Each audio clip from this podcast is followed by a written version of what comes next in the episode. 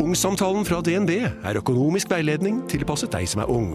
Bokk en ungsamtale på dnb.no. ung. Ok, det var jo en syk døll måte å forklare ungsamtalen på, da. En smart prat om penga mine, ville jeg sagt. Ikke sånn kjedelig økonomispråk, skjønner du. Podkast!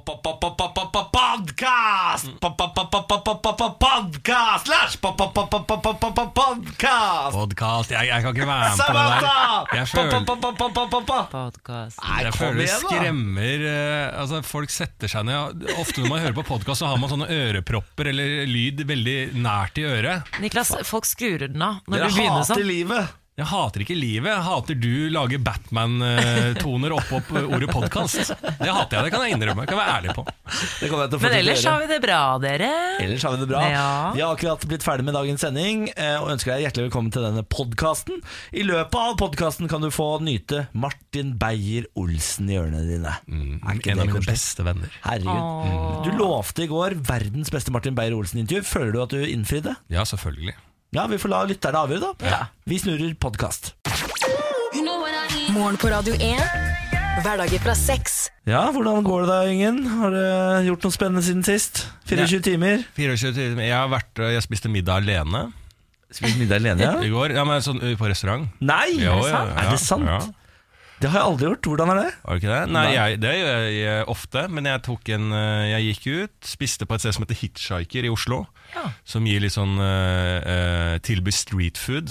Uh, som er ganske, de er ganske rådige på kjøkkenet. Er litt sånn sånn her, ja, fy faen, Så bare legger vi en liten dash med potetmos der, og noe løk inn der. Så, Ja, er veldig- tilfeldig, men sykt godt. Ja, ja. Eh, og så Der hadde de litt sånn eh, tilfeldigvis, jeg visste ikke dette på forhånd, men um, Chesuan-uke. altså litt sånn kinesisk nyttår. Ja.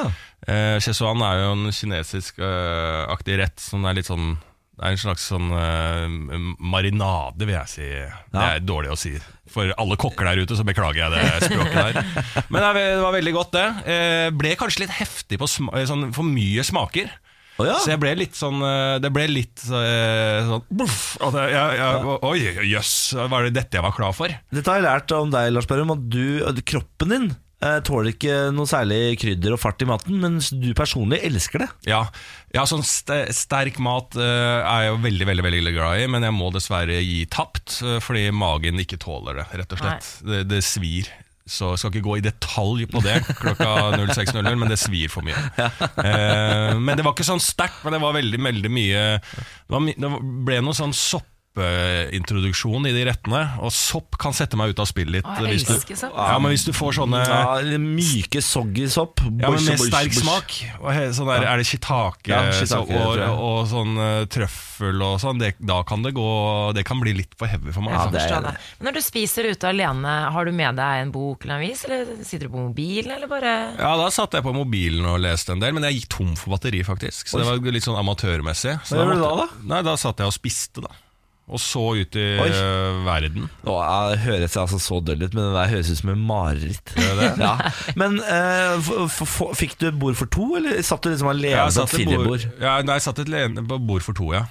Ikke et spørsmål engang. Spurte ikke om jeg venta på noen. eller noe alt sånt. Det er bra. Det er mange ensomme i storbyen, vet du. Så jeg skal være jævla forsiktig med å spørre om det kommer flere. Ja. Ja, jeg var også ute og spiste i går, og så skulle skulle møte en venninne som jeg jobbet med i, eh, i TV 2 før. Og eh, jeg satt jo alene i kanskje en halvtime fordi hun var litt forsinka. Og da tenkte jeg faktisk på det. Da var det en som satt der som ikke hadde ja, hun, hun satt alene. Og så tenkte jeg sånn Jeg er jo sånn som liker å dra på kino alene, f.eks. Jo, du gjør det. Men å spise ute, jeg vet, jeg vet ikke. Jeg syns det er litt annerledes, Ja, jeg kan ikke gjøre noe alene. Det, er, det, det eneste jeg kan gjøre alene, er å kjøre bil og handle mat. Etter det ingenting alene. Kan ikke eh, gjøre noe Jeg tipper du blir stressa i butikken òg. Ja, litt fordi jeg blir sånn Kan jeg Hva skal vi ha? Skal, kan jeg kjøpe dette? Nei, jeg, jeg bare liker ikke det å ikke ha noen å snakke med. Altså Sitte alene og spise middag på restaurant, det tror jeg hadde fått nesten panikkangst av. Men kunne du dratt på kino alene? Nei, på ingen måte. Ja, kino alene har jeg aldri vært før, men det kunne jeg også fint gjort. da Ja, Hva, hva er det du skal med noen på kino, da? Får det er et godt spørsmål. Altså, jeg, det er jo den minst sosiale settingen i verden. Men allikevel så tror jeg aldri jeg kunne dratt alene på kino. Det, føler, det føles ut som en eh, vennegreie. Det føler jeg er første oppdrag du skal få. Nei. dra på kino alene. På dagtid òg.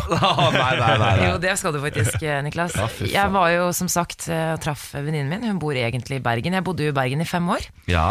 Og eh, begynte jo i TV 2, da var jeg bare ja, 22, kanskje. Eh, da jeg begynte å jobbe der. Ung og ubesudlet. Ja, ja, det ordet der. Før du begynte å jobbe med det i vannet, si. Eh, jobbet som mann eh, og mange andre. Og eh, vi snakket jo om det, vi, var jo, vi er like gamle. Og det er liksom, folk som er litt eldre enn meg, reagerer jo alltid på det her. Men så snakker vi liksom om gamle dager som om vi er mye eldre. Eh, hun er jo også 28 år, og vi snakket om at vi føler oss gamle. Og tingen er at Når jeg sitter og for hører på jenter som er kanskje åtte år yngre enn meg, snakke om at 'å herregud, det er to år siden vi var russ', sånn, så blir jeg veldig irritert. For jeg tenker sånn, men du er så ung. Men så tenker jeg at de andre får jo akkurat samme med meg. Det blir jo sikkert, men jeg, det er litt sånn Herregud, det er fire år siden forrige OL, og vi jobbet jo sammen under OL for fire år siden. Og det er, det er sånn eh, Jeg vet ikke, nærmer seg 30. Men man Du er er ikke gammel, Samantha. Du er 28 år gammel. Men jeg tror mange kan kjenne seg igjen i Du, sa, du har jo selv sagt at du har litt sånn småangst for alder. Men Ja, ja. Lars, du er jo litt bitte litt eldre enn meg. 45. Syns du det, syns du det er irriterende å Jeg er 31 da, for at lytteren skal være med på dette spillet du legger opp her nå. Om Ja. jeg synes det er eh, Jeg har ikke tenkt så mye på alder i det hele tatt, jeg, altså. Men Ja, men jeg surrer jo 30, liksom. liksom? Hæ? Det må ha svidd litt og bikke 30? Nei, ikke i det hele tatt. 30 syns jeg ikke. Kanskje sånn eh, Da syns jeg det var litt sånn, sånn mer milepæl å kanskje bli 25. Ja. Altså fordi at jeg eh, tre, altså Nå frem til 35 er ett fett. Så kanskje jeg merker sånn Å ja, nå er jeg på hell mot 40. Ja. Men det er, kan- jeg tror jeg har litt med at jeg har eh, egentlig alltid bare hatt eldre venner. Ja. Også når jeg var yngre, og når jeg har eh, blitt eldre. ja. Så det tror jeg har kanskje noe med det å gjøre. At liksom sånn, ja, ja, ja Jeg bryr meg ganske lite om det, altså. Ja. Spør, kontrollspørsmål, eh, siden du var ute og spiste med venninne i går. Var det alkohol der? Da jeg gikk inn på den restauranten, så tenkte jeg å fy søren, jeg skal ha en øl. Ja, fordi Men, eh, Samantha har hvit uke, eller to hvite uker. Ja, Ja, Er inne i uke to nå. jeg klarte meg. Du klarte det? Bra jobba, ja, Sammy. Ja, det fortjener øl du. i går, og det var veldig godt. Jeg drakk vin sjøl, det var også sinnssykt godt. Du bør prøve det, Samantha. Okay. Det syns jeg er godt, altså. Mm. Morgen på Radio 1. Hverdager fra seks. Julian Assange har oppholdt seg eh, på Ecuador sin ambassade i London Ecuador! i seks år. Er det sant? Er det Ja. seks år nå? Ja, Og Julian Assange- Siden 2012. Han er, eh, han, han er, var lederen av Er det Wikileaks? Ja, Nei. grunnleggeren av Wikileaks, ja. Eh, og nå er jo ja, altså Talspersonen i Ekva- ekvadorske ambassade har gått ut at dette her er eh, ikke humant, eh, og at han skal være inni her lenger. At vi må prøve å få en ordning. Han tør jo ikke å gå ut eh, derfra, for da blir han eh, først arrestert av engelsk-britisk politi. Og så frykter han han blir utlevert til Sverige, for der er jo noen som har anklaga ham for en eh, tidlig metoo. altså før metoo-kampanjen, med noe seksuelt eh, Kan det være fra voldtekt, da? ja, seksuelt overtramp, altså om det er voldtekt eller eh, Jeg tror det er voldtekt han er anklaga for i Sverige. Ja. Og da går han dit, og da, når han kommer til Sverige, så går det rett til USA. Så um, Der er han jo altså en landsforræder. på Da er han ferdig. Ja, da er han Ja. ferdig. Så han eh, må jo bare befinne seg der. Og da når jeg leste en sak, så tenkte jeg bare sånn Tenk å være altså, Slik jeg ser det, så er den jo da inni denne Nå er jo heldigvis ambassadene litt fine, ja. men du, er, du må være inne da i seks år, da. Men altså, det der lurer jeg på. Eh, Etter seks år så må det jo være mulig å snike seg ut av den ambassaden og komme seg av gårde til et land som ikke har utleveringsavtale med USA. Og da leve litt friere. Ja, altså det har, det har vært snakk om at han eh, skal det, at han skal få komme seg til andre land. Men jeg vet ikke om han har turt det, det opplegget der, da. Så når Stina Brennmo Hagen klarer å stikke av fra fengsel i Colombia, så må jo fader meg Julian Assange klare å komme seg ut av en eh, ambassade og komme seg til et land uten utleveringsavtale. Ja, Det er der, det er der fokuset du ligger. Du, er, eh, du kritiserer Julian Assange for dårlig eh, rømningstaktikk. Det er riktig. Dere leder av Unge Høyre, Christian Tonning Riise, han trekker seg etter metoo-kampanjen. Han trekker seg etter det han omtaler som dårlig dømmekraft, og sier at denne kampanjen har vært en vekker. Det har jo altså ikke kommet noen varsler mot han, ifølge intervjuet med VG, men han har blitt konfrontert med at medlemmer i Unge Høyre ved flere anledninger har reagert på hans atferd. Og generalsekretær i Høyre, Jon Ragnar Aarseth, han skriver i en e-post til VG at han eh, i går kveld ble varslet om avgangen. Og syns at han har tatt en modig og riktig avgjørelse. Og da tenker jeg, mod, er det modig? Hva ler du av, Lars? Jeg ler av modig. Eller liksom sånn eh, Altså, Han prøver jo å gå nå før det eventuelt kommer en storm. Han har fått såpass mange eh, indisier på at du, du har gjort mye gærent, og han skjønner også sikkert svetta lenge under denne kampanjen. Og bare sånn, ok, her er det bare å get the fuck away. Eh, og jeg, jeg skjønner ikke Altså, Hva er det som skjer i politikken? Altså, Det er jo- vi snakka litt om dette her i går, Ja. men det er jo, det er jo, de er jo he, Alle er, det er Gris, Det er jo galskap inni der. Det har vært seksuell jappetid eh, i politikken eh, fram til nå, og nå er det krakk. Nå skal alle som har kjøpt seg dyre biler, få svi, på en Ja. måte. Ja, for det er jo også et annet tilfelle som vi leste om i går. Eh, Ulf Leirstein fra Frp sendte jo hardporno til en 14 år gammel partifelle. Gutt? Ja. ja, til han har sendt flere ganger sendt eh, porno til unge mannlige partifeller på e-post. Og det, det, jeg, tror, jeg tror ikke de to historiene der blir de siste. Og, men jeg tenker sånn i hvert fall i Riise sitt tilfelle så er det jo på en måte Det er jo selvfølgelig bra at han trekker seg selv, at man slipper den der lange dragkampen. eh, At Ja, han ja, ja. innrømmer at han har gjort noe. Det er selvfølgelig bra. Men det er jo klart at man eh, Det er selvfølgelig fint at han tar ansvar, liksom, men det er, det, er, det er grenser for hvor mye skryt jeg greier å gulpe opp. eh, Nei, skryt skal han ikke ha. Men han er, men, fortsetter jo ja. som stortingspolitiker, eh, så han er jo ikke ferdig i politikken. Han er bare ferdig som unge Høyre-leder. Ja. Så han skal jo fortsette å fly på Stortinget. Så vi, får, vi er ikke ferdig med Kristian Tonning Riise. Eh, apropos Ulf Leirstein, han er jo altså mossing, bare nevner det. Eh, han og Erlend Wiborg er eh, to eh, Frp-politikere, kanskje de to gærneste Frp-politikerne der ute. Eh, de mener høyt og tydelig, og begge er fra Moss. Eh, Ulf Leirstein har jo da altså sendt nakenbilder, hardpornografiske bilder, til en 14 år gammel gutt. Eh, NRK har fått eh, kopi av e-posten, som inneholder 44 bilder. En annen e-post inneholder 11 pornobilder. Og så har de nå lekka litt av denne e-posten, som er gøy, fordi Ulf Leirstein har altså sendt fra sin stortings-e-post eh, PDF-er med pornobilder. i. For det første, bra jobba Fleirstein. Leirstein. Jeg aner ikke hvordan du klarer å legge bilder inn i en PDF, for så å lagre den og sende den, og ikke overskride den der megabytes-grensa. Fordi PDF-er er ganske stort fi filvedlegg. Så jeg, jeg teknisk er jeg imponert over hva du har fått til her. Og så har de lagt ut et bilde av eh, Et av bildene som han har sendt videre til denne gutten, har de lagt ut og sensurert. Det er da to damer og en svær rosa dildo i den ene munnen på denne dama. Ja, for det var litt, du lurte på liksom hardporno. Det er første gang altså, var mediene litt ø, ivrig på å bare få Altså, hva er hardporno? Altså, de jeg så også litt av de sladda eh, Det så ikke ut som hardporno. Og hva er egentlig hardporno? Det er jo porno. Men det kan jo være at det ikke har blitt uh, kommet ut i media, da. Men jeg synes det sånn, det er så innmari fælt. I sånne, du, han sender da en e-post, og du da som politiker eller eh, ja, kollega da åpner den, så er det det siste du venter deg. Det er så innmari dårlig gjort. Altså, Du skvetter jo sikkert litt i stolen. Det var sånn, Aha, Ulf, herregud, han er på Stortinget greier. Jeg er 14, det er spennende. Hva er det han har sendt meg? PDF? Å ja, her er det rett opp i slufsa. Ja. Æsj. Ja. Men igjen, bra teknisk løst, Ulf. Det skal du ha. Der er du god. Og Ulf hadde en tøff tid. Og da er det, har du det tøft på hjemmebane, så blir det fort litt hardpornoutsending. Blir PDF i kjenner, kjenner meg sjæl igjen der. Ja, ja, ja, ja. Hatt det tøft, så er det bare ut med hardporno. Morgen på Radio 1. Hverdager fra seks. Thea hun har svart på hva hun jobber med. Det samme er Stian. Stian er baker, han har vi snakka med før. Hei til deg, Stian. God morgen. Eh, Thea hun eh, jobber eh, Hun har hatt sin første praksis på sykehjem og hører på hver morgen. Det syns jeg er koselig. Og hun lurer på hva som er våre rutiner før vi starter sending. Og så ønsker vi oss en god dag. God dag til deg, Thea. Det var veldig hyggelig med melding. Ja, god dag. Eh, Lars, hva er dine rutiner? Eh, altså sånn Generelt så har jeg jo eh, fine rutiner. Nå er jo jeg eh, lenge siden jeg har stått opp tidlig. Så nå er rutinene mine Jeg, jeg har klokka på halv seks. Eh, og så har jeg forhåndsbestilt taxi til kvart på seks. Det er råflott, Lars. Og så Lars. står jeg opp halv seks, rett på kjøkkenet. Der ligger det klar en banan som jeg spiser. Så tar jeg et glass vann, så går jeg rett eh, på badet, pusser tenna. Så går jeg i dusjen. Så går jeg ut av dusjen, tar på meg klær, eh, smører eh, krem i fjeset. Eh, og så har jeg, jeg har en kjæreste som jobber innen duft, oh, ja. så jeg er nokså rå på duft. Eh, så da har jeg et arsenal og velger om jeg skal ha lær, eh, røtter eller eh, eh, noe annet eh, urtebasert duft. Hva så har du i dag? på, I dag har jeg på gra, en sånn granbasert lukt av Trær. Parma.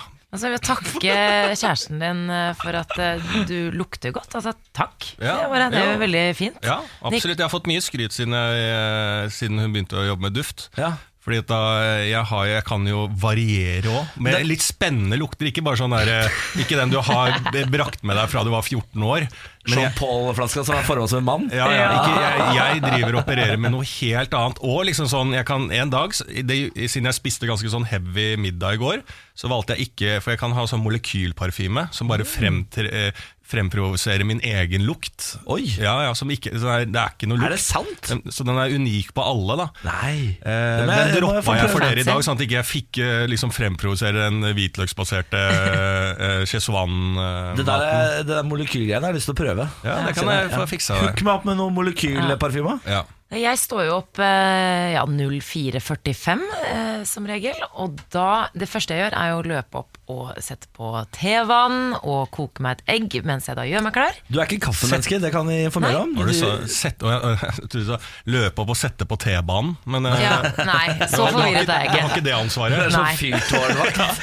Står opp hadde vært helt 04.45 og løper opp og setter på T-banen, og så Det hadde vært helt rått. Nei, og da så Jeg har jo alltid lagt frem klær, sånn at jeg slipper å tenke på det. Smart. Slenger på meg klærne, gjør meg klar, løper opp, og da har jeg faktisk tid til å spise et egg, drikke litt te og lese nyheter før jeg tar T-banen halv seks. Du er jo et sultent menneske, for det, er det første du tenker på og snakker om når du kommer hit, det er jo mat. Ja. Altså, da har du Ja. allerede vært oppe og spist egg og frokost. Ja, men ett egg eh, metter, men ikke så veldig mye. Eh, så jeg er nødt til å ha litt mat når jeg kommer hit også. Ja, Min eh, morgenrutine er å stå opp eh, Jeg har jo akkurat endret eh, morgenrutine, for jeg har bodd hos svigermor, så jeg har måttet stått opp eh, ti på halv eh, fem. Men i dag kunne jeg altså sove til fem. Det var altså en megaforskjell. Så nå står jeg opp klokka fem, hopper i dusjen, klapper bikkja på hodet, setter meg på trikken, er på jobb. Ja. Ikke noe mat, ingenting. Uh, pusser tenna, da. Jeg har ikke noe molekylparfyme, jeg har jeg har heller ikke noe egg. Jeg bare jeg kjører rett på, eh, går inn tørt, for å si det sånn. Eh, så det er min morgenrutine. Kan jeg si en ting til? Ja. Var det Thea hun het? Ja. Ja, Thea som er på vei da, som er en lytter som sendte inn, da, som er på vei til eh, praksis på sykehjem. Ja. Jeg er jo utdanna sykepleier, og jeg får en nostalgisk følelse når jeg hører Thea, som da er tydelig en sykepleierstudent, på vei til praksis på sykehjem. Det er en, en nydelig tid, og jeg elsker jo Jeg har en veldig forkjærlighet for sykehjem, og jobber på sykehjem. Eh, det er noe kanskje det koseligste jeg har gjort i livet. Da. Er det sant? Ja, det er så det er så bra på så mange måter. Som en, jeg er jo ikke den ryddigste fyren i verden og den som alltid går rundt med best samvittighet og aldri gjør noe dumt. Det er jeg ikke. Men det å jobbe da på sykehjem og møte eldre som er eh, så kule og har så mye livserfaring og setter så pris på at man er der, og gå hjem da, så er det sånn for den narsissistiske delen. Jeg har aldri følt meg personlig bedre. Eh, og for, eh, på den andre sida også, så er det veldig eh, givende og gøy å kunne få lov til å bidra. Det er kanskje en av de uh, eh, jobbene du står mest i respekt av. Å ta godt vare på de, de gamle liksom, på sykehjem. Det er- blir oppriktig varm i hjertet når jeg tenker på folk som dedikerer livene sine til det. Ja, for det Eh, er altfor lite folk, eh, og i hvert fall jobbe som sykepleier der. Grunnen til at det ikke er så mange sykepleiere som uh, Hvorfor det ikke er så attraktivt å jobbe på sykehjem, da. for det når du er ferdig med eh, studiene dine, så er det jo ofte eh, Hvorfor begynner ikke folk på sykehjem, og vi trenger flere folk? Det For det er jo vanskelig, for der er du helt aleine. Og masse Ja. ansvar. ikke sant? Det er eh, veldig komplisert sy eh, syk sykdomsbilde. ikke sant? Så, og du står helt aleine. Begynner du på et sykehus, en hjerteavdeling eksempel, som tilsynelatende er mer komplisert, Ja. men der er det flere sykepleiere rundt der. Eh, flere som kan ta vare på deg over lengre tid. ikke sant? Så det er tryggere å begynne å jobbe, selv om det kanskje er vanskeligere. i anførselstegn. Men Hvilken avdeling er det du jobber på, da? Fordi det er vel, altså Dementavdelingen for eksempel, på sykehjem, der tror jeg det, er, det kan være ganske heavy. Ja, det er tøft. Ja. Eh, Men hvis du jobber med de som for så vidt er liksom friske, eh, men bare gamle, det må jo være, liksom, eh, må jo være ganske digg. Ja, det er, ja, det er ikke så enkelt delt opp, men det er jo noen sånne e- egne dementavdelinger og steder. Eller sånn, så har du generelt sykehjem der du også har demente. Også en eh, hjertefeil, også en, et, et sårstell. Så det er veldig sånn komplisert eh, sykdomsbilde. Da. Og det er jo veldig mange ved sykehjem som er eh, ensomme. Når det er jo ikke alle som har familie som kommer og, og besøker dem. Og jeg har også jobbet som frivillig på et sykehjem hvor det bare var demente. Og det er kanskje det mest givende jeg har gjort noensinne. Ja, og det er hyggelig, for det sykepleierne har jo ikke alltid så veldig mye tid. eh, Så da er det hyggelig at, som, Man har jo ikke noe helseutdannelse, men at man kan bidra og henge med dem, da. Finne på ting. Veldig Ja, hyggelig. Jeg har ikke jobbet uh, verken på sykehjem uh, som betalt eller frivillig, jeg har, men jeg har jobbet på hotell, og da uh, hjalp jeg folk eh, til å få sex, for da sjekket jeg inn horer og horekunder. Så jeg har på en måte hjulpet i menneskeheten, jeg også. Absolutt. Bare ikke den gamle delen av Du er helt på merket, Niklas Jeg er helt på merket, det er hyggelig. Morgen på Radio 1. Hverdager fra seks. Og La oss snakke litt eh, om metoo-kampanjen. For eh, i Frankrike så koker det også ganske greit rundt metoo. Men ikke på den eh, vanlige måten. Der har eh, 100 franske kjendiser tatt et oppgjør mot metoo. ja. Der er de fremoverlent. Der drikkes det vin hver dag eh, og snakkes eh, på alle kaféhjørner. Så nå er det der ledes an eh, av en eh, sånn legendeskuespiller som heter Catherine Katerine eh, Deneuve, eller Deneuve. Deneuve. Jeg vet ikke. Ja, jo, men du er. garantert eh, mer innpå det enn meg. Eh, som eh, setter i gang med 100 kjendiskvinner som er et opprop som starter, som blir bare større og større. Der de forsvarer mannens rett til å sjekke opp eh, om det er klønete, eller om mannen ønsker å stjele et kyss, så må det være lov. Her mener disse damene at eh, den seksuelle friheten trues. Og hvor, eh, hvilket annet sted enn Frankrike skulle dette komme? Det syns jeg er noe nydelig med at de står på barrikadene for seksuell frihet i Frankrike. Franske damer er jo beintøffe, da. Det skal de ha fader meg ha når de går ut og støtter hashtag metoo. Men det, det som er deilig nå, er jo for alle de som har blitt tatt i en metoo-skandale, så er det ikke bare Carl I. Hagen som er ute og støtter. Nå er det også franske kvinner. Det må jo føles litt Ja. bedre for Ja. Giske, for eksempel. Og det Ja. må jo bli et eh, det, Er det der er, Kommer det til å bli sånn metoo-asyl? At man eh, søker asyl i Frankrike, for der kan man bare fortsette? Så, det så virker- Ulf, Ulf Leirstein er liksom på, på fly allerede på vei ned til ja, Og blir tatt imot som en konge nede i Frankrike. Han kan bare grafse og kline og sende hardporno i hytt og gevær. Altså, jeg tenker sånn at Franskmenn er jo eh, veldig dårlig engelsk. Jeg tror kanskje de har misforstått konseptet med metoo-kampanjen. Eh, handler vel egentlig ikke om sjekking, men eh, for all del. Nei, men de, altså, de mener jo de, Jeg tror de, altså, de er jo enig i dette eh, Weinstein-starten her, at eh, det er det jo støttende, men så mener de at det har spora av. Ikke sant? Nå, er- nå er det heksejakt ja. på menna. Klappjakt på menna. Ja, ja, ja. Skal det ikke være lov til å ta kølla ut av buksa og bare Ja. vise den litt frem, da? Og det er liksom sånn som vi sitter i studio her Hvis jeg eh, hadde da lagt an på Samantha over en lang periode her nå Og så liksom begynt å ta hånda på låret hennes Liksom sånn, du skal jeg hente en kaffe til deg? Og så, det må være lov! Det må være lov med litt seksuell eh, frigjøring At jeg får eh, ta, ta, ta meg til rette litt grann. Spørs hvor langt opp i låret du går, da, Lars. Ja, det er sant. Ja. Fylkestopper i Arbeiderpartiet de raser mot illojal partikultur. I en sak i VG i går sto det jo at eh, partisekretær Kjersti Stenseng eh, og leder av Aps kvinnenettverk Anniken Huitfeldt skal ha skjelt ut Støre på et møte i eh, september, eller desember, og i et Facebook-innlegg i går avviste Støre det her. Han sier at det ikke skjedde, at de hadde helt normale eh, diskusjoner om politiske saker. Og nå får Huitfeldt og Stenseng støtte i partiet, for flere av fylkeslederne eh, har jo skrevet under et opprop da, hvor de mener at det er anonyme kilder i partiet som målrettet går ut for å angripe Stenseng og Huitfeldt og skape splittelse.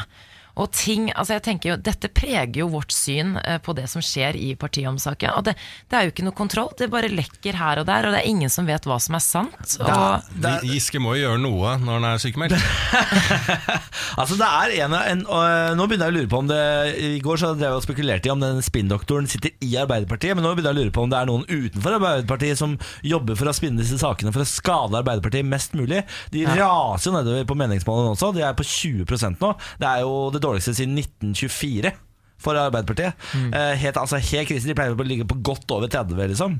Eh, så, så hvis de ikke tar seg sammen nå, så må et annet venstresideparti vokse og bli den nye venstresida. Det er jo spennende, det har vi snakket om før. Jeg håper at det skjer. Det er på tide å bytte ut en av de store, gamle bastionene. Det hadde vært så gøy! Det hadde vært så gøy! ja, kjempefint. Får vi se om det går oppover snart eller nedover. Ja, det går nedover. Jeg eh, tar og snakker litt om studentene på BI som er frustrert over eksamenskrøll. Ja. Eh, Det var jo sånn at eh, den digitale eksamene til studentene på BI krasja fullstendig her for litt siden. Det var masse nyhetssaker om det.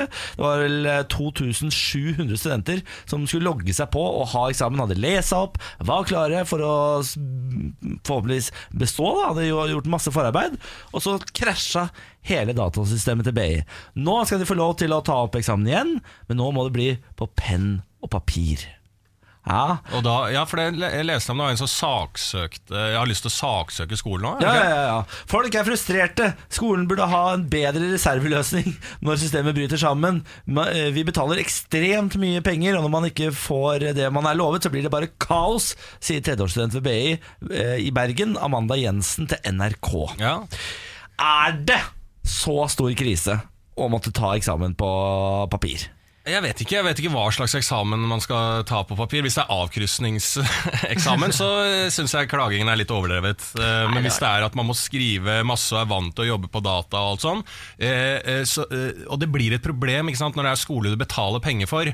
Ja. Hadde dette vært eh, høyskolen eller eh, Blindern, da, for, eks- eh, for eksempel, der du ikke betaler for å gå så mye, Ja. eh, da hadde ikke klaginga vært så mye. Men her legger man inn mye penger, da forventer man noe tilbake. Og da forventer man også at de utsetter det til de har fått ordna opp i problemet. Så der støtter jeg faktisk for første gang i livet BI-elever. Det er en gruppe med BI-studenter i Oslo som har satt ned en, eh, satt ned en eh, gruppe da, for å få tilbake penger. Og de krever altså 40% av det de har betalt tilbake for kontraktsbrudd.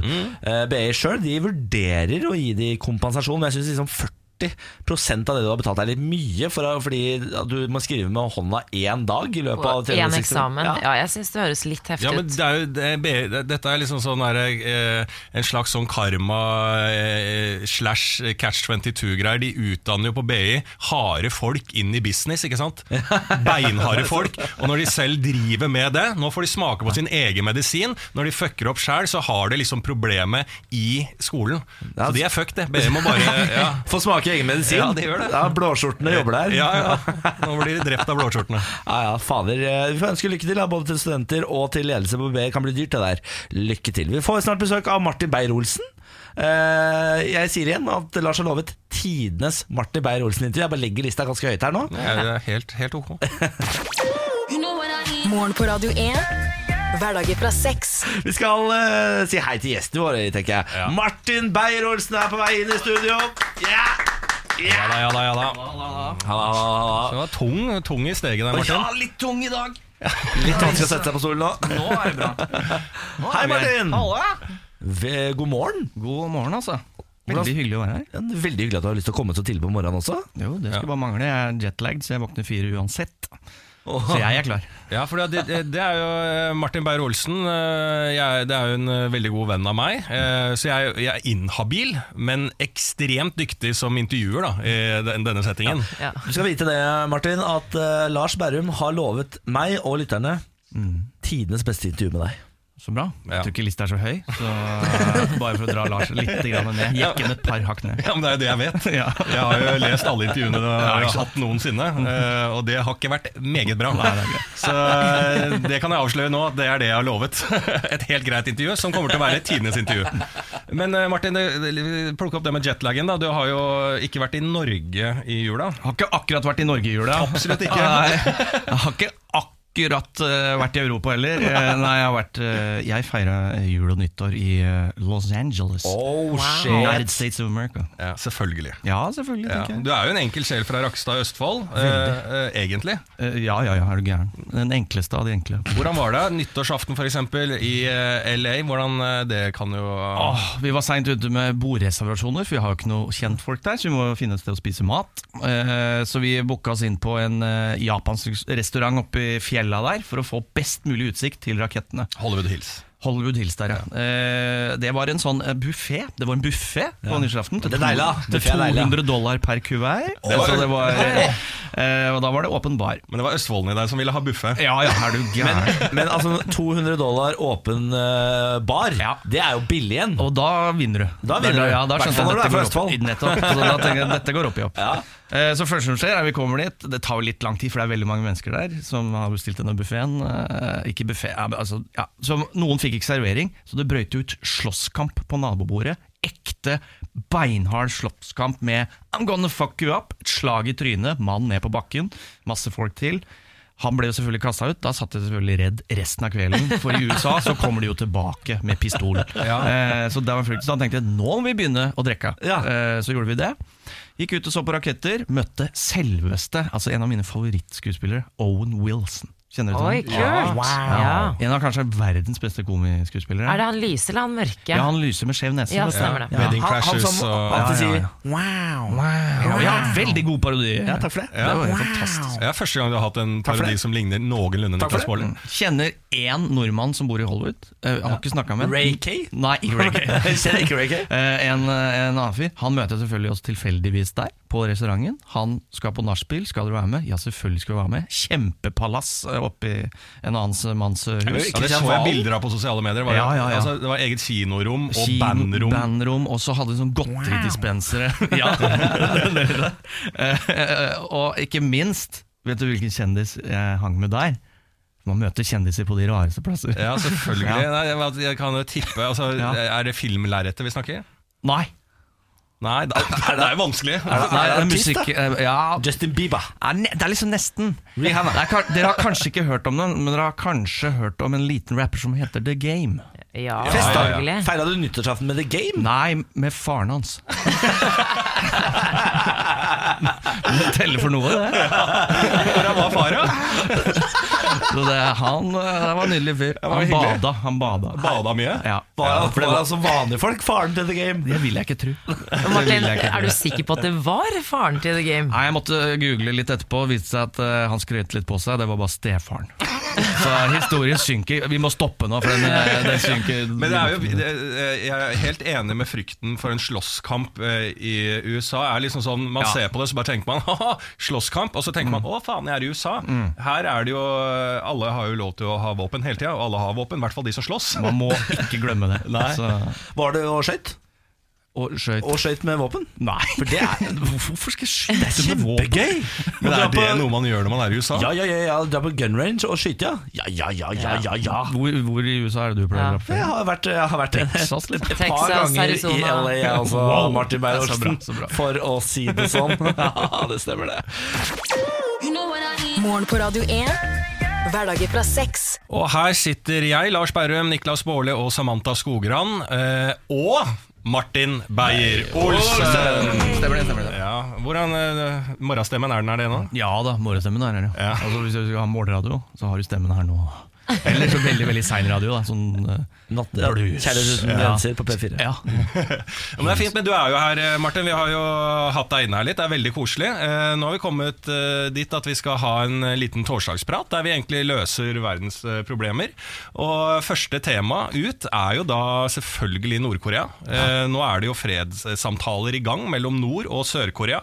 Eh, og Nord-Korea skal jo delta i OL, og vi så jo ja, i går, at, eh, eller dagen før der, at eh, Nord-Korea bare valsa innover grensen i dress. Og ja, det så nesten ut som det var perlevenner. Er det fred? eh, I Korea etter OL, er spørsmålet. Jeg tror det bare heter Korea nå igjen. Ja, alt er bra nå. Men jeg har hørt at de faktisk der nede så snakker de nesten bare uh, Bruker de bare Korea som term. De skiller ikke mellom nord og sør eh, der nede. Så eh, jeg har hørt faktisk at eh, Jeg må si at jeg har hørt, Fordi at jeg, hvis jeg bare sier ting, så høres det ut som jeg kan veldig mye. så jeg må begrense Men du kan det, kan du ikke valgmulighet. Men at Sør-Korea og Nord-Korea Det er egentlig ganske, ganske gode venner. Og Der går egentlig samtalen, og det er interesse på begge sider til å være venner. Men problemet er at Nord-Korea er i da veldig konflikt med USA. Og Sør-Korea er jo alliert med USA, så der ligger problemet. Det skal også sies at det er, er jo fortsatt krig ja. mellom sør og nord siden 1953. Det er, Men, det er men de er venner. der, vennskapelig krig, da. Ja. En liten feide, som jeg kaller det. Mangler bare noe powerpoint. der. Har ikke du vært i Korea? Jo, jeg har vært i sør, ja. Du har vært i sør, ja? Ja, ja, I Seoul. Hvordan var det der? Du, det var en veldig kul by. Det er det beste kollektivsystemet jeg noensinne har sett. Ja altså, de frakt, den T-banen der Det er det råeste. Men hva er det som er så rått ved den? Det er så presisjon, og det, det, kan bare, det er så mange millioner mennesker da, eh, i hvert minutt som eh, forflyttes. Så eh, da, sånn, da tenkte jeg sånn, nå drar jeg fram i tid. Vi har det, altså sånn, det finnes land i verden som har det bedre. Men er det, som i, er det som i Japan? For der når jeg tok uh, undergrunnen der, så var det sånn at folk, det var ikke noe køsystem, men folk stilte seg bare i kø uansett når på døgnet. At uh, folk var så høflige i bare væremåte. Forskjell, jeg har også vært mye i Japan. Ja. Mye mer i Japan. Eh, Herregud, forskjellen- så du har reist da, ja, da, Martin for Jeg liker veldig godt uh, der. Japan der står alle i kø. Nord-Korea er et uh, Nei, ikke Nord-Korea, Sør-Korea. Et nydelig maurtue av system hvor alle har respekt, men det er ikke noe sånn rette køer. Det er bare myldring, men det funker. Ja. Og det er den derre det zen-kjøret, tror jeg. Og kan vi, eh, kan vi også si da Kina, det er jo også mylder, men der fungerer det ikke? Er det fungerer sånn? overhodet ikke. Altså, det er jo den stor, største trusselen vi har. Det er jo kaoset. Folk åpner jo dører på fly og går ut via nødutgangen fordi den kinesiske middelklassen er på vei opp og har fått råd til å fly. Ja, det. Det er kollapsen på verden. Men blir det fred? Eh, Det er jo det som var Nei, det spørsmålet til panelet her. Nei, det blir ikke fred. eh. Etter OL, når- nei, nei, det blir ikke noe fred. Det blir aldri fred. Han, de har jo klin gærne ledere i Nord-Korea, og selv om det er vilje på begge sider, så har jo han Han er jo en stor sutrete unge som trenger å ha makt og, og være i spenn. Hvis eh, spennet forsvinner, så forsvinner jo også hans makt over sitt eget folk. Men hvis det blir anerkjent som en atomnasjon, atomstormakt, Ja. så vil det jo bli det var jo, det var jo litt sånne spenninger da Kina var på vei til å bli atomnasjon også, at eh, alle var imot og dette her kommer ikke til å gå. De har tatt eh, vare på den, eh, det som følger med å være en atomnasjon, Ja, og det kan jo også skje med Nord-Korea, hvis vi bare gir dem anerkjennelsen. Ja, Nå er det jo forskjell på Kina og Nord-Korea i utgangspunktet her, da, Lars. Nord-Korea er jo fullstendig bøtte gærne. Eh, I, I motsetning til USA og den amerikanske lederen. Ja. Han det sa jo også nå med Erna Solberg i går at uh, det var en uh, veldig bra stemning på gang nede, ned, nedover. Så han var positiv nå. Jeg har troa på fred. Ja, ja, USA har jo bestemt seg for å utsette de militære øvelsene de har, skal ha med Sør-Korea, så det vet, kanskje OL kan skape fred. Nei da, det der blir fred til etter OL, og så er vi i gang igjen. Fred eller ufred etter eh, OL, Martin? Vi går for fred Ja, så lenge. Ja, deilig! Det er bestekompiser. Det er det jeg og Martin her, så han støtter meg på den. Niklas Baarli. Eh, da skal vi til neste tema. Eh, vi hopper hardt inn i Listhaug og Afrika. Listhaug er jo på en nydelig liten rundtur nede i Afrika. En diplomatisk reise i Nord-Afrika med mål om å overbevise deriblant Sudan da, om at det er best å hjelpe flyktninger der nede. Har dere sett klipp fra Jeg har ikke sett klipp. Jeg har heller ikke sett klipp. Det er, altså det er en eh, Hun er jo veldig norsk i utseendet. og når hun sitter da nede med bare generaler og fullt oppmøte der nede, eh, og eh, liksom har i budskap eh, og har farta ned dit eh, til et, et veldig land, fattig land, og skal si sånn Dere burde hjelpe de her. Det er noe, det er noe nydelig i de bildene. De kan være så fattige de bare vil, men afri, altså, afrikanske ledere er jo utrolig glad i staffasje.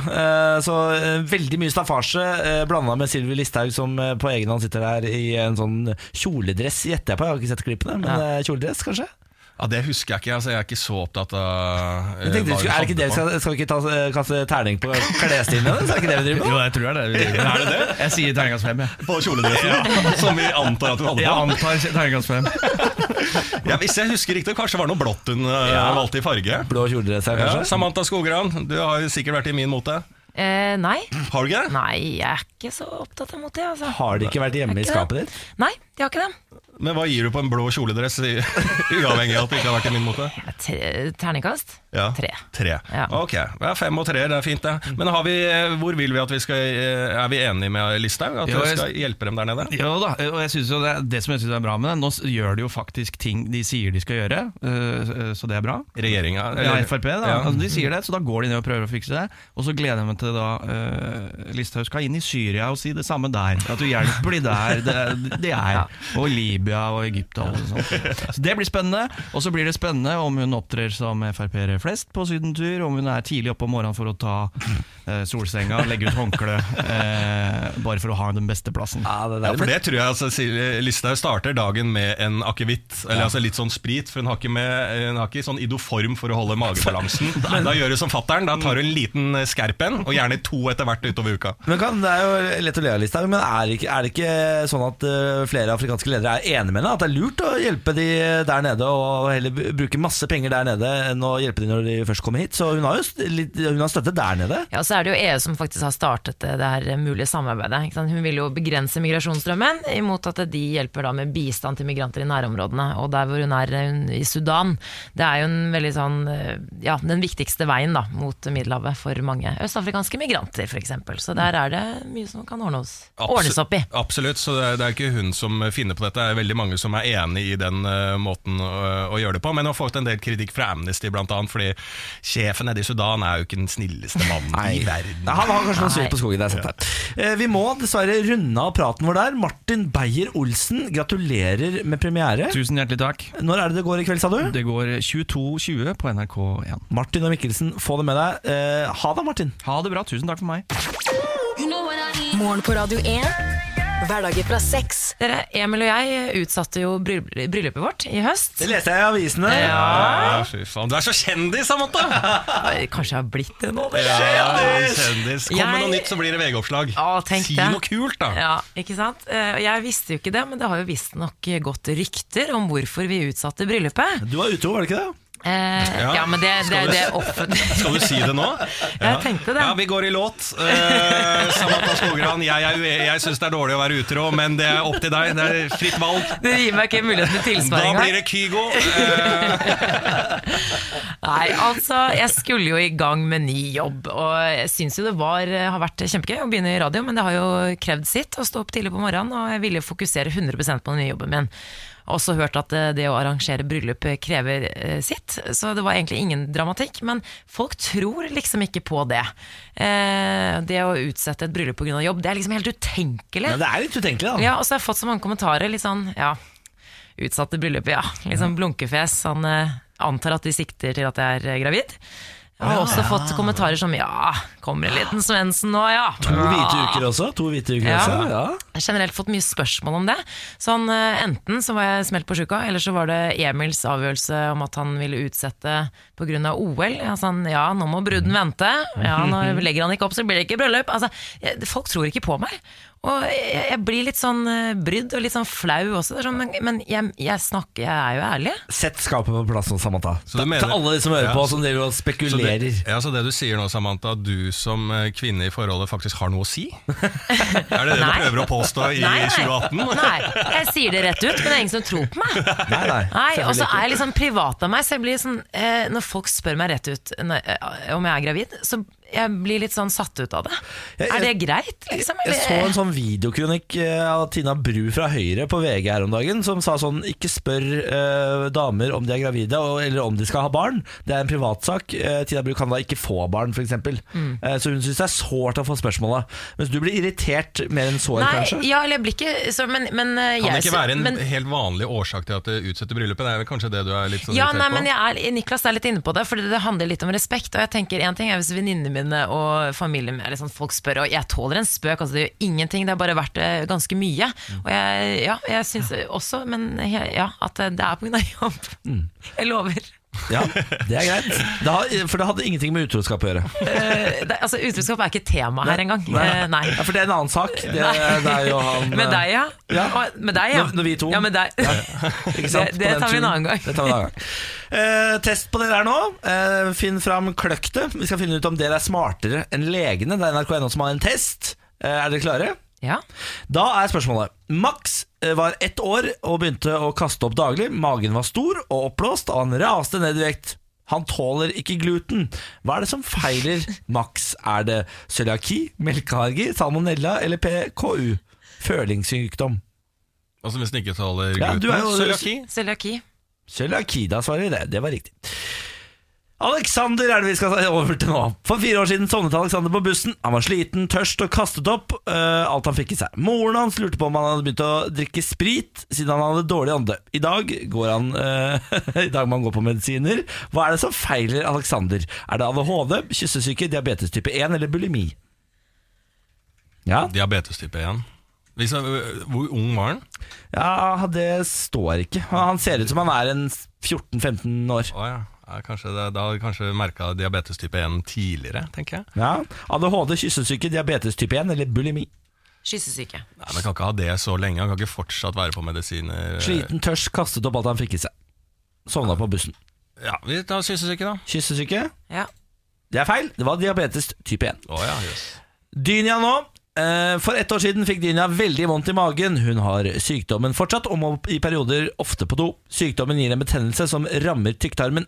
Er det blindtarmbetennelse, matforgiftning, omgangssyke eller ulcerøs kolitt? Ja, Ja, ulcerøs det kolitt vet er det. Er det det? Ja, ja, ja. Det er riktig, Lars. Fader, dette kan du. Ja, er betennelse, ikke sant? Da. Da angriper kroppen sjæl eh, sitt eget eh, immunforsvar angriper deg sjæl, så du får en sånn kronisk tarmsykdom. Vi tar to til. Siri nå. Da Siri var sju år, fikk hun et rødt og blærete utslett på den ene siden av ryggen. Hun hadde ikke utslett andre steder på kroppen. Det ble borte etter et par uker, og siden har hun ikke hatt det etterpå. Var dette helvetes ild, vannkopper, psoriasis eller prolaps? Helvetes ild. Ja, jeg er enig i det. Ja. Det er riktig. Veldig bra. Dere er altså så gode. Dere har Ja, bare. Foreløpig har dere tre av fire. Tre av fire. Nummer fem er Oddrun. Oddrun må følge diett der hun unngår mat med mye proteiner. Hvis babyer med denne sykdommen ikke starter på diett tidlig, kan det bli psykisk utviklingshemmet. Hva er det som feiler Oddrun? Er det cøliaki, eh, lu- lungeødem, PKU, altså følingssykdom, eller glutenintoleranse? PKU eller hva?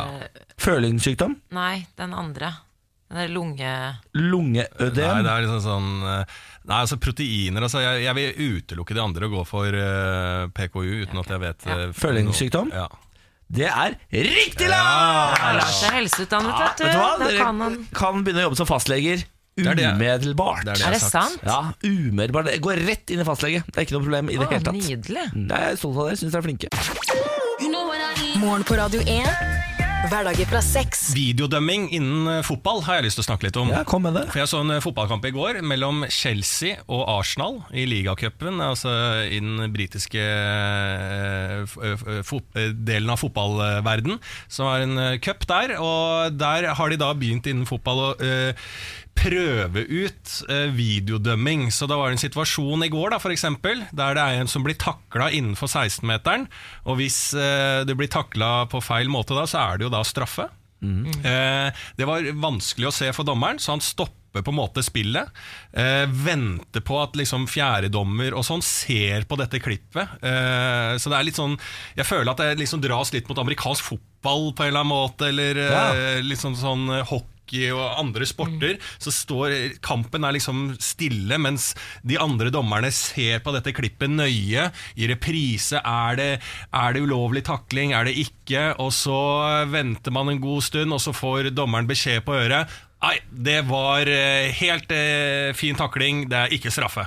Spillet går videre. Men for, for en sånn spennende periode. da Det må jo koke på stadion når man står sånn og venter på avgjørelsen fra fjerdedommer. Ja, det er det jeg liksom føler at det ikke gjør det. Ja, ødelegger det kanskje litt Jeg av føler- ja. kampens hete? på Det ø ja, det ødelegger litt, for oh, ja. publikum blir sånn der Åh, vi er, dette er vi ikke vant til. Fordi at eh, man eh, hater jo alltid dommeren. Eh, Ja. Men det er jo noe sjarmerende med at sånn offside, for eksempel, eh, og eh, ting som er ganske vanskelig å dømme, er opp til mennesker å gjøre. At det kan komme menneskelig feil. Er det sjarmerende, syns du? det er jo bare et spill. Dommer, ja! Dommer! Jo, jo men fotballen Det er jo mye penger involvert, og alt sånn men Ja. vi må jo ikke glemme at det er et spill. Så det er jo litt sånn Det er jo en del av fotballen at i den finalen Og det er mye arbeid som legges ned, jeg skjønner det, på en måte så jeg er litt sånn for og imot. Men jeg syns det er noe sånn kjedelig når for nå begynner trenerne Når det var, eh, er en takling, så begynner de å vise sånn tegn eh, som 'Få se det, se det en gang til på reprise'. Og ja, jeg, jeg er ikke helt Ja. eh, enig i at man bør gjøre det. Nei, og jeg skjønner litt hva du mener. Først da jeg tenkte på videodømming, så tenkte jeg sånn, men det er jo bra, for da kan feilaktige avgjørelser bli,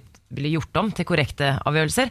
Men så, det er jo liksom noe passion når eh, dommeren blåser, og så mener folk det er feil, står og skriker. Jeg er litt enig med Men er det ikke opp til publikummet da å lage stemninga når man står og venter på avgjørelsen? Så må, sånn, må hele stadion bli sånn Ååå, ååå, nå, nå, nå Ja, men hva som skal kan man snakke om etterpå, da? Eh, på puben? Da skal man snakke om Ja, men måla der, og det som diskuterer man faktisk jo det var bra. straffe, det var ikke straffe. Enig. Jo, det var straffe, det var ikke straffe. Nå er det sånn Ja, det var straffe. Jeg er helt enig. Ja. Eh, så de så det fem ganger i reprise, så Ja, da kan man så så du når uh, Mourinho sparka inn i bakrom-ting. da kan du snakke om sånne ting. Mourinho er trener, han har ikke sparka noen ball inn i bakrom.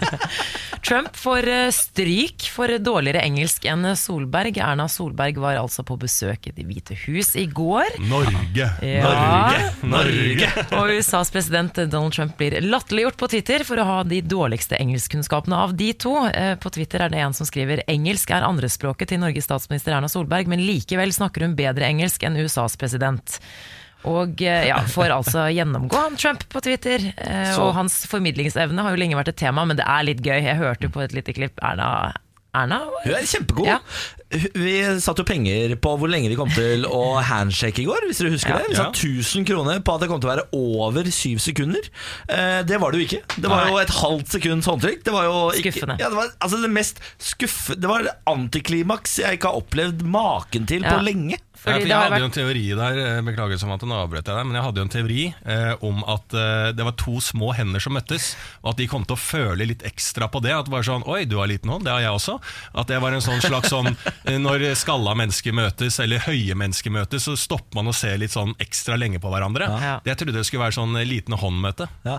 Folk med liten hånd eh, som møtes, eh, føler åpenbart avsky for hverandres hender. eh, og slipper meget fort. Det, var, altså, det er det raskeste håndtrykket jeg har sett på veldig lenge blant uh, altså, offisielle besøk. Og De skulle også ha sånn foto-opp, som jeg har lært at det heter fra amerikanske serier, hvor de står egentlig skal stå sånn og hilse lenge, mens begge to ser sånn eh, rart på pressen, sånn at alle får mulighet til å ta et fint bilde av dem. Det gjorde de heller ikke. Nei. Det er det rareste jeg har sett. Hvor, Ja. det- er nesten så jeg skulle tro at Erna Solberg har hørt Morgenpradio igjen. Tenkt sånn de skal faen ikke De skal faen ikke tjene penger på min, eh, mitt besøk i Hvite hus. Det er dialektene i gang igjen. Ja, Men det var ikke gæren parodi, det heller. Det er on fire i dag, Det er å komme seg, jeg jobber meg oppover. I går kom nyheten om at ibuprofen ikke er bra for gutter. Hvis du tar ibuprofen eh, i en ukesekk, eh, så får man testosteronnivå på lik linje med 70-åringer. Det var du som snakket om dette i går, Lars. tror jeg? Det Eller var faktisk Samantha? jeg, at Dansk forskning var det. Ja, dansk forskning. Men jeg hadde jo en teori om at eh, For jeg begynte å bli tynn i håret, så at jeg skal starte på Ibuprofen nå, Ibux, og kjøre det helt fram til sommeren. Og at jeg mener at håret mitt kommer tilbake da. At jeg har funnet faktisk eh, kilden. Ja, det, de blir litt bekymra når Steinar Madsen i Legemiddelverket i dag går ut og sier sånn Dette visste vi ingenting om. Dette er helt nytt for oss. Eh, man skulle jo tro at denne type forskning var gjort i forkant, før man bare dytter ut ibuprofen som om det var Jesus sjøl i pilleform. Altså Man har jo dytta ibuprofen i fjeset i årevis i Norge, siden eh, man, det kom på markedet og tok over for Paracet. Eh, før så var det jo bare Paracet man tok. Eh, og så kom Ibux og bare wow, vi er de nye kongene på haugen, og folk begynte å spise Ibux. Spise, spise, spise. Og nå går man altså tilbake. Stein Madsen sier slutt med Ibux, begynn med Paracet igjen. Paracet vet vi er trygt, og du mister håret da, åpenbart. Ja, men det er litt sånn, jeg Husker ikke reklamen hvorfor, hvorfor behandle hele kroppen med Ibux? Nei, det, er hvor- det, er hvor- nei, det var jo ikke Ibux, var det det? Jo, det er smørende Ibux. At du smører på uh, Hvis du vet hvor, hvor du har vondt, hvorfor behandle hele kroppen? Ja, det var da ikke Ibux, det? Jo, jeg er ganske sikker på at det var.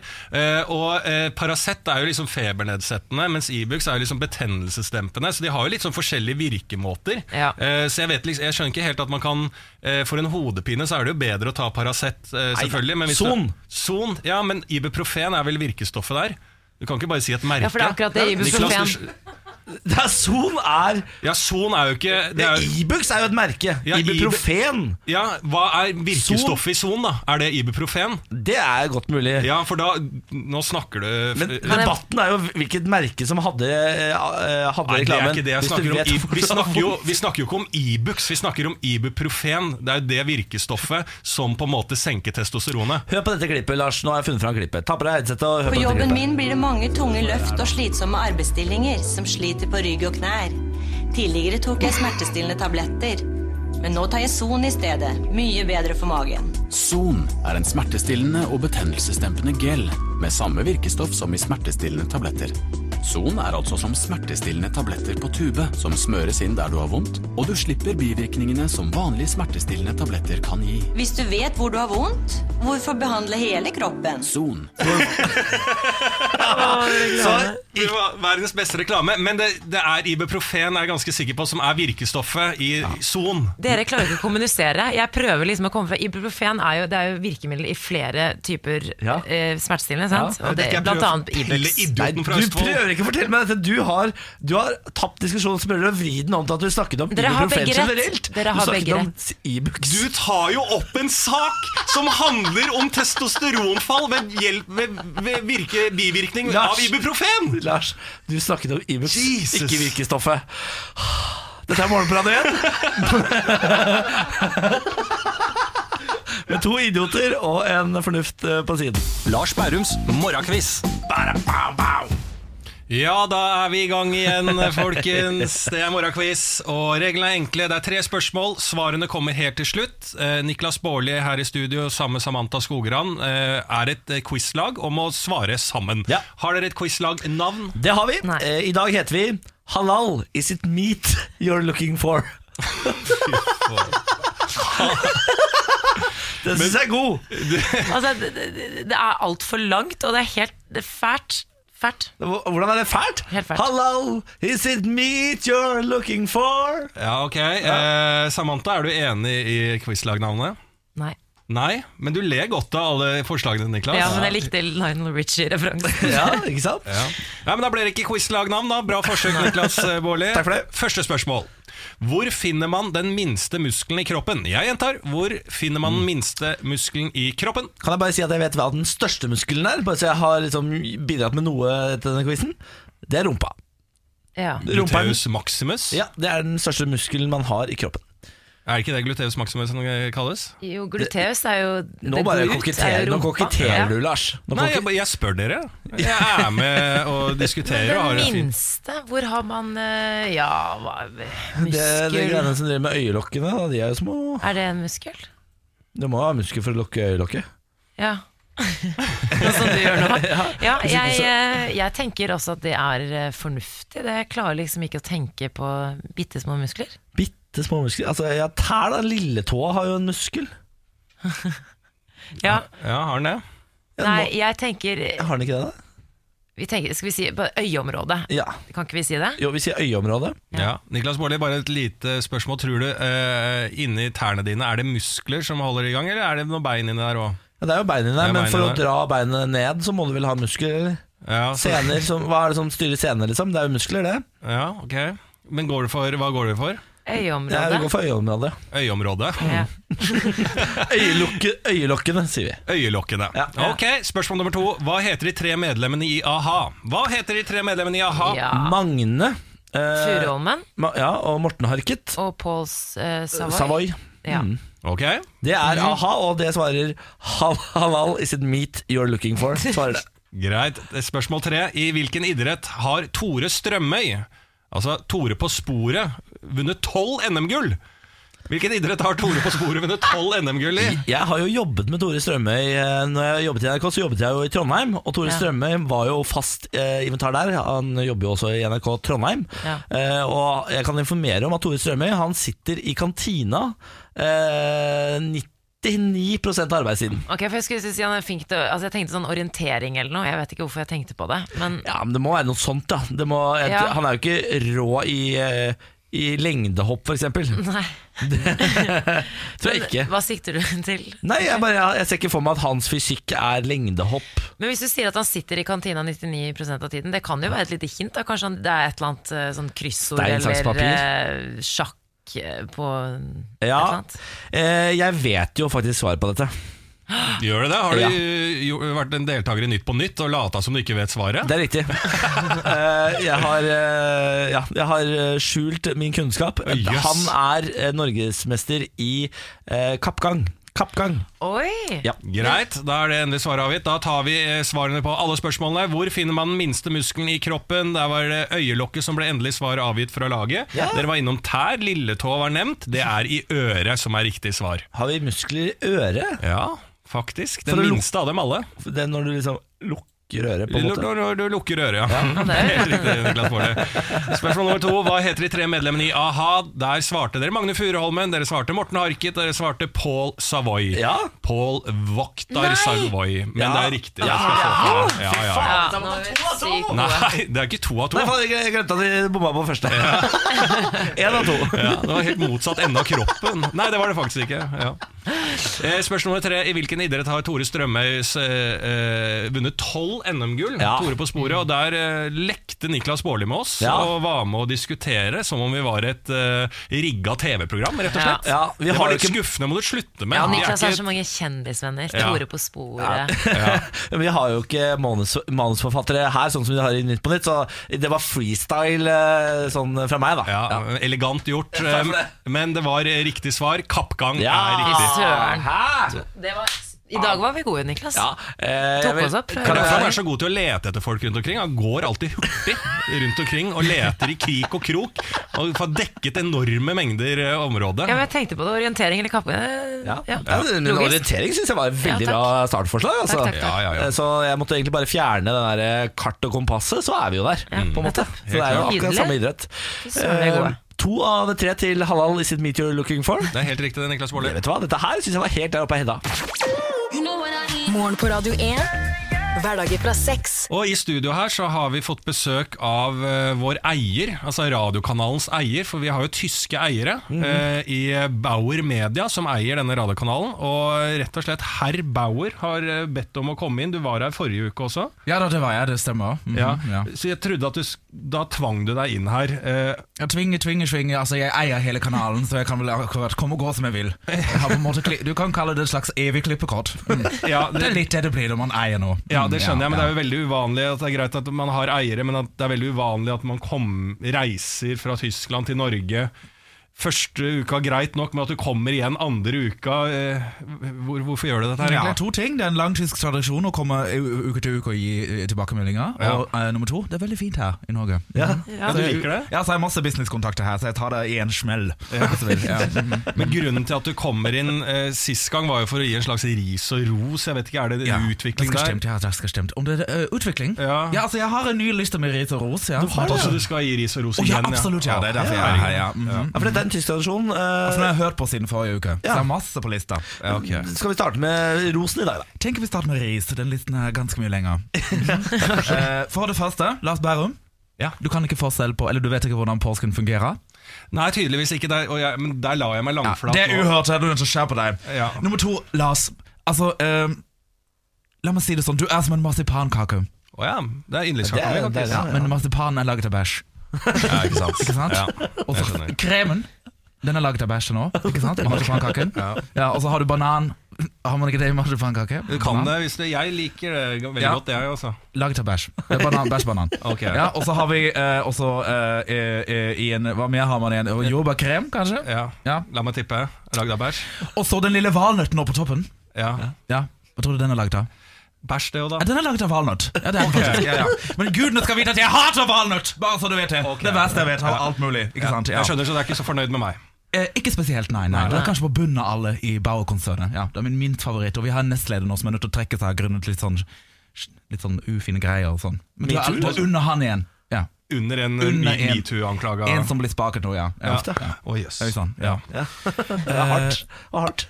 Mm, og du, Niklas? Ja. Klipp deg. Um, over til ros. Ros, ja. Samantha Ja. Skogran. Du har jo en internasjonal klang i din stemme, så varm og god, og så hyggelig å være her. Oi, så hyggelig. Hva Fikk skal du i ros, helgen, jeg. Samantha? Hva skal du Hva i jeg skal i helgen? helgen? Skal du henge med Emil Hegle Svendsen? Nei, jeg skal henge med broren hans, faktisk. Skal du henge med broren hans? Ja. vel, er han Emil også eh, sky- Ja, nei, han er han ikke skyter, han også? Eller? Ja, litt. Han har jo vært eh, innenfor idretten, han òg. Men jeg skal jo heie på Emil. Han skal jo gå skirenn. Hvor da? I, eh, i Rupolding i Tyskland. I Tyskland. Ja, I hvor, sa du? Rufolding. Du er veldig interessert i Emil Hegle Svendsen, Mr. Bauer. Ja, jeg er jo stor fan av uh, skiskyting, ja, så det må jeg bare si. Ja, han er jo fantastisk god. Ja. Er det derfor du egentlig kommer inn her? For Han å er som en nærme ga gaselle i skisporet. Ja. Så skyter han som en som en som har skutt før, for å si det sånn. Ja, ja. Ja. jeg skjønner. Og, for det, jeg får følelsen at du er her veldig i, i, et, eh, i retning Emil Hegli Svendsen. Er Ja, du retning med her, hva sa du? Ja, at du er veldig interessert i Emil Hegli Svendsen? Men det er vel kanskje det beste med morgenshowet. Det er jo at eh, Ja, Men han er jo ikke her, da. Uh, Men eh, kanskje han en dag kunne komme til noe? I- Ja, Neste uke, for kanskje eksempel. det. Er. Ja. Men Det det er min tilbakemelding. At det kanskje kunne vært fint om Emil Hegler Svendsen kom innom her Ja. og, og kastet noe av sin skiskytterglans over dette Ja, ellers ganske begredelige morgenshowet. ja, Jeg skjønner det, Mr. Bauer, og alltid hyggelig å ha besøk av sjefen, eh, men nå må vi egentlig videre. Ja, jeg må videre, jeg også. Jeg har et fly å rekke. Han skal til eh, Fingerspitzgefühl. Hva var det du kalte det der han skulle skyte? Rupholding. Jeg skal via Rupolding og snakke med noen businesskontakter, og så skal jeg tilbake til Bonn. Ja, Ok, Jeg trodde du holdt til i Hamburg. Ja. Uh, ja, men jeg holder til i Bonn i en uke nå, fordi jeg, uh, jeg skal skrive noen memoarer. Og min memoarforfatter, han, han er i Bonn, ok? Du har en egen ghostwriter på memoarer? Ja da, det er klart det. Alle sjefen i Behal Media har det. Ja, særlig toppsjefen. Takk for meg. Takk for Tusen takk for at du kom, Mr. Bauer. Morgen på Radio 1. Hverdager fra sex. Hvordan står det til med gjengen da? Veldig bra. Ja, Ja. Så godt å høre. Skal vi, eh, skal vi rulle, eller? Samantas OL-ring. Ja, dere, det er eh, kun 28 dager, 6 timer og 40 minutter til OL i Pyeongchang braker løs. Og Det blir jo ofte prat om langrenn, skiskyting og alpint når det er snakk om vinteridrett eh, og OL, men i dag skal jeg vie tid til andre populære idrettsgrener, og da spesielt på verdensbasis, nemlig snowboard og freeski. Ja, de Ja. kule idrettene. De kule idrettene. Ja, hva var det du sa? Freeski? Freeski. Oi. Freestilkjører. Freeski. Altså, altså nedoverski. Eh, nei, altså, ja, eller nedoverski, eh, men eh, med triks. Altså på rails og Ja, jibbing ja, ja, og ja, ja. Tiril Sjåstad Christiansen, Øystein Bråten. Ja. Om dere ikke er eh, klar over hvilke eh, OL-hopp vi har, så kommer de nå. Ja. En liten oppdatering. De norske fristilkjørerne har jo imponert i OL-sesongen hittil. Tiril Sjåstad Christiansen 22 år gammel med hele fire X Games-medaljer. Gjorde jo comeback etter skadeavbrekk før jul. Havnet på pallen. Hun har jo operert knærne sine fem ganger, og gikk glipp av Sotsji-OL i 2014 etter et fall kun dager før OL. Og hun gikk glipp av hele fjorårssesongen. Nå kjemper hun om OL-plass. De norske friskerne skal jo eh, kjøre rennet til helgen, og da kjemper hun om en plass. Eh, vi har jo Johanne Killi, som også er en eh, freeski-stjerne. Hun er jo allerede tatt ut til OL. Og nå kjemper hun Hun har tatt X Games-gull. Altså X det Games i dette miljøet her er jo egentlig det største. Ja. Men sånn på verdensbasis så er jo OL OL er OL. Ja. Så alle vil jo til OL. Så har vi da, vi, På herresiden har vi da Øystein Bråten. Han var med i Sotsji-OL. eh, Fikk ingen medalje der. Han har vunnet, eh, altså vant to X Games-gull på rad i fjor, som er vanvittig eh, stort. Og det ble jo en del prat om han forrige uke eh, pga. Idrettsgallaen. Flere reagerte på at han ikke var nominert til kategorien Årets mannlige utøver til Idrettsgallaen pga. disse X Games-medaljene. Ja. Han ble altså vraket til Idrettsgallaen, men nå skal han eh, ta OL-gull og vise at han virkelig hører hjemme Ja, men da der er han oppe. folkekjær, skjønner du. Ja. Bråten er jo litt, det er jo litt sånn i det miljøet der. Henning Bråten også. Eh, for jeg kjenner som er da landslagstrener for eh, skatelandslaget vårt. Ja. Som også skal bli en OL-gren, ikke sant? Ja. Så det er blir OL-gren? Skateboard, ja. Er det sant? Ja, ja, ja. Gøy. Så det, Så, der, er- så Bråten er godt inne godt. i det miljøet der. Ja, bra navn. Det er Ja. kjempenavn. Over til snowboard. Vi starter med Markus Kleveland. Han er bare 18 år, men allerede en av verdens største snowboardstjerner og blant Norges gullhåp i OL. Og dette til tross for at han ikke trener styrke overhodet. Leste en artikkel i går. Kleveland gjør det rett og slett ekstremt dårlig på fysiske tester på Olympiatoppen. Legende. Likevel er han en av verdens beste, og det er pga. helt andre egenskaper. Ifølge NRK, for å ta litt teoretisk, så er det hans romforståelse og fartsforståelse. Når han svever i lufta, som gjør at han er så god. Yes. Men sånne liker jeg, for han er verdens beste håndballspiller på herresida. Altså han kroaten, uh, husker ikke helt hva han heter. Uh, Verdens beste håndballspiller. ja, han var det. Han Ja. Garantert noe med itch på slutten. Eh, men han tok alltid en sigg etter matcher òg. Ja, han var helt rå. Liksom, bare tok en uh, fyrte om en røyk etterpå, Ja, og var verdens beste. ja. Og så har vi da Stor, Ståle Sandbekk, blitt en slags OL-veteran, selv om han bare er 24 år gammel. Han var vi godt. Ja, 16 år gammel ble han tidenes yngste mannlige OL-deltaker. Han har seks X Games-medaljer, en OL-sølv. Mange forbinder jo da Sandbekks OL-karriere med gullet som glapp, etter det mange kaller en dommertabbe. Ja, jeg husker jo de danske kommentatorene som Ja. gikk bananas når ikke Norge vant. Det var veldig gøy, fordi de banna og sverta og kalte det en katastrofe og skandale. Det Det var tok av på sosiale medier. Eh, I forrige OL-finale i Sotsji så tapte han mot amerikanske Sage eh, Katzenberg.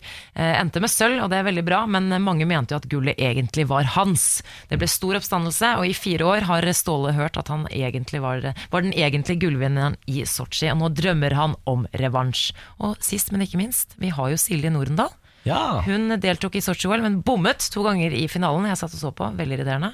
Meldte i høst at dette blir hennes siste OL, så vi heier på Silje Norendal. Radio 1. Hverdager fra seks. Podkast! Lars! Podkast! Kom igjen! Nei. Lars blir alltid sånn eh, ubekvem. Ja. Det er første gang jeg har sett han sånn u blir ubekvem. Ja. Jeg blir flau. Ja. Ja, men herregud, da. Ja! Fasen, nå ble jeg så flau av meg selv. Det var dagens podkast, det. det er hyggelig at du har hørt på. Hele veien gjennom også. Det syns vi er ekstra stas. Eh, I morgen er det fredag. Helg. Store planer. Har du lyst til å avsløre noe bare på podkasten for podkastlytteren?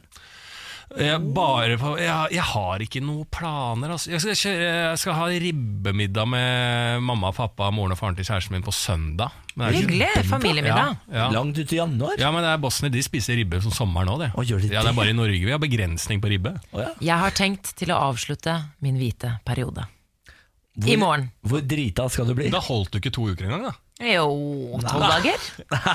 det er ikke to uker! 14 dager er to uker! Hva skal du gjøre? Hva starter du med da, når du Jeg skal drikke igjen da? drikke øl med dere. Ja. Ja, men liksom, ja, men hvis du Ok, øl, eller tar du Øl. hvitvin? Nei, det blir øl. Øl, ja. Må starte mildt. Bayer? Frydenlund, eller? Jeg er veldig glad i Frydenlund på glass. Jeg er veldig øh, opptatt av det der, altså. De har, kan- de har Frydenlund dit vi skal i morgen. ja, det er grunnen til at vi skal tilbake. Oh yes Frydenlund er den beste øl. Ja, fordi at du- det er noe med glasset òg. Hvilket spor er vi på? Jeg vet ikke. Vi skulle takke for at du har hørt på podkasten. Da sier vi takk, takk, takk. Ny podkast i morgen. Ha det!